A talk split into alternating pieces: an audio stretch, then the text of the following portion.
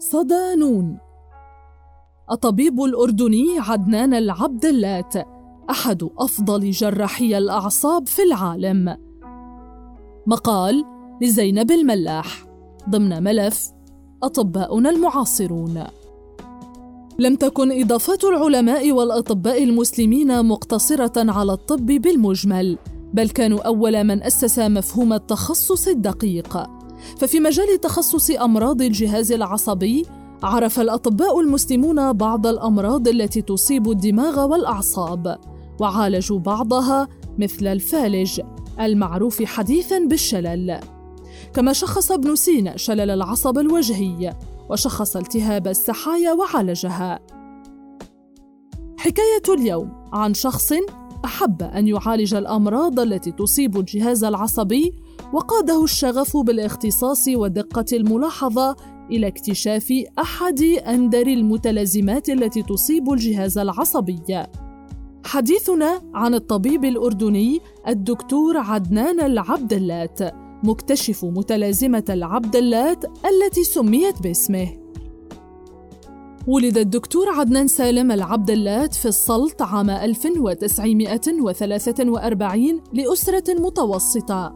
فوالده كان يتاجر بالأغنام. أما والدته فابنة أحد جاهات مدينة السلط منحدرة من عائلة محبة للعلم. عاش عدنان ضمن عائلة كبيرة مؤلفة من عدد كبير من الإخوة والأخوات، وتربى على البساطة التي يتذكرها على أنها أيام جميلة.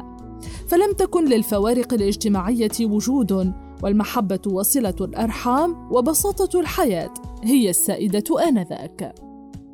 انتقلت العائلة بسبب ظروف عمل والده إلى عمان وتلقى تعليمه الابتدائي والثانوي في مدارسها وعرف عنه النباهة والتفوق في دراساته ليكمل تعليمه بتفوق عام 1960 تقدم لدراسة الطب في دمشق وكانت المنافسة كبيرة آنذاك لأن عدد المقاعد الممنوحة للطلبة الأجانب عشرة مقاعد فقط. وبالفعل استطاع الحصول على مقعد لدراسة الطب في سوريا لينتقل من عمان إلى دمشق لدراسة الطب فيها للأعوام بين 1960 وإلى حدود 1967 رغم كون الدراسة في دمشق كانت شبه مجانية فقسط الدراسة للطلبة العرب كان مبلغا زهيدا جدا فإنها كانت صعبة للغاية خصوصا أن كليات الطب السورية تدرس المنهج العلمي باللغة العربية. ما يجعل الدراسة والعودة إلى المراجع أمرا شاقا وصعبا. بعد أن أنهى الدكتور عدنان تعليمه عاد إلى الأردن عام 1967 لكن ظروف الحرب آنذاك جعلته أمام خيار العمل ضمن صفوف الجيش كطبيب عسكري ليتم تعيينه برتبة ملازم أول. الطموح والبحث عن العلم. كان المحفز الأكبر للدكتور عدنان. وبذلك حاول أن يسافر إلى بريطانيا ليستقي العلم والخبرات. فانتقل إلى لندن في الفترة بين 1972 و 1974 وحصل على الزمالة البريطانية للطب الباطني MRCP وعاد بعدها إلى الأردن ليعمل في مجال اختصاصه بالمستشفى العسكري في الأردن. خلال فترة عمله لاحظ أعداد المرضى المصابين بالصرع والشلل وأمراض الذاكرة وأمراض الأعصاب الذين لم يجدوا من يعالجهم لندرة هذا الاختصاص في الأردن. لذلك قرر السفر مرة ثانية إلى لندن لدراسة تخصص الأعصاب. التحق الدكتور عدنان بأعرق مستشفى بريطاني في مجال أمراض الأعصاب. المستشفى الوطني لطب وجراحة الأعصاب في Queen Square. أول مشفى أنشئ في أنجلترا متخصص في علاج أمراض الجهاز العصبي ليحصل على شهادة FRCP اكتشافه لمتلازمة العبدلات بعد عودته من بريطانيا لاحظ الدكتور عدنان في مريض أتى لمراجعته أعراضا لم يقرأ عنها أو يرى ما يشابهها في بريطانيا. كان المريض يشتكي من اضطراب في تصبغ الجلد والشعر وشلل سفلي واعتلال العصب المحيطي.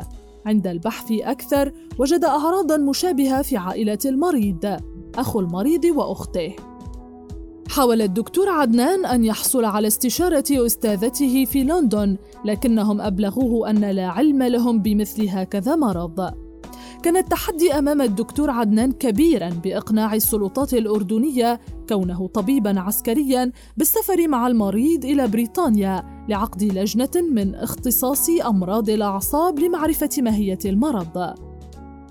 بعد رفض الطلب ومحاولات متعددة استطاع الدكتور عدنان أن يسافر مع مريضه إلى بريطانيا وعقدت لجنة مكونة من أكثر من أربعين بروفيسور في مجال أمراض الجهاز العصبي وتم التوصل إلى أن هذه المتلازمة غير مكتشفة مسبقا وأن الدكتور عدنان العبدلات مكتشفها.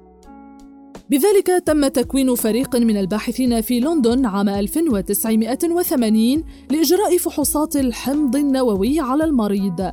ليتم معرفة سبب المرض الذي يعتقد أن سببه صفة وراثية متنحية غير مرتبطة بالجنس وأطلق على المرض متلازمة أبدالات دافيس فارر سندروم وبعد سبعة أعوام اعترف بهذه المتلازمة عالميا وبمكتشفها الذي سميت باسمه.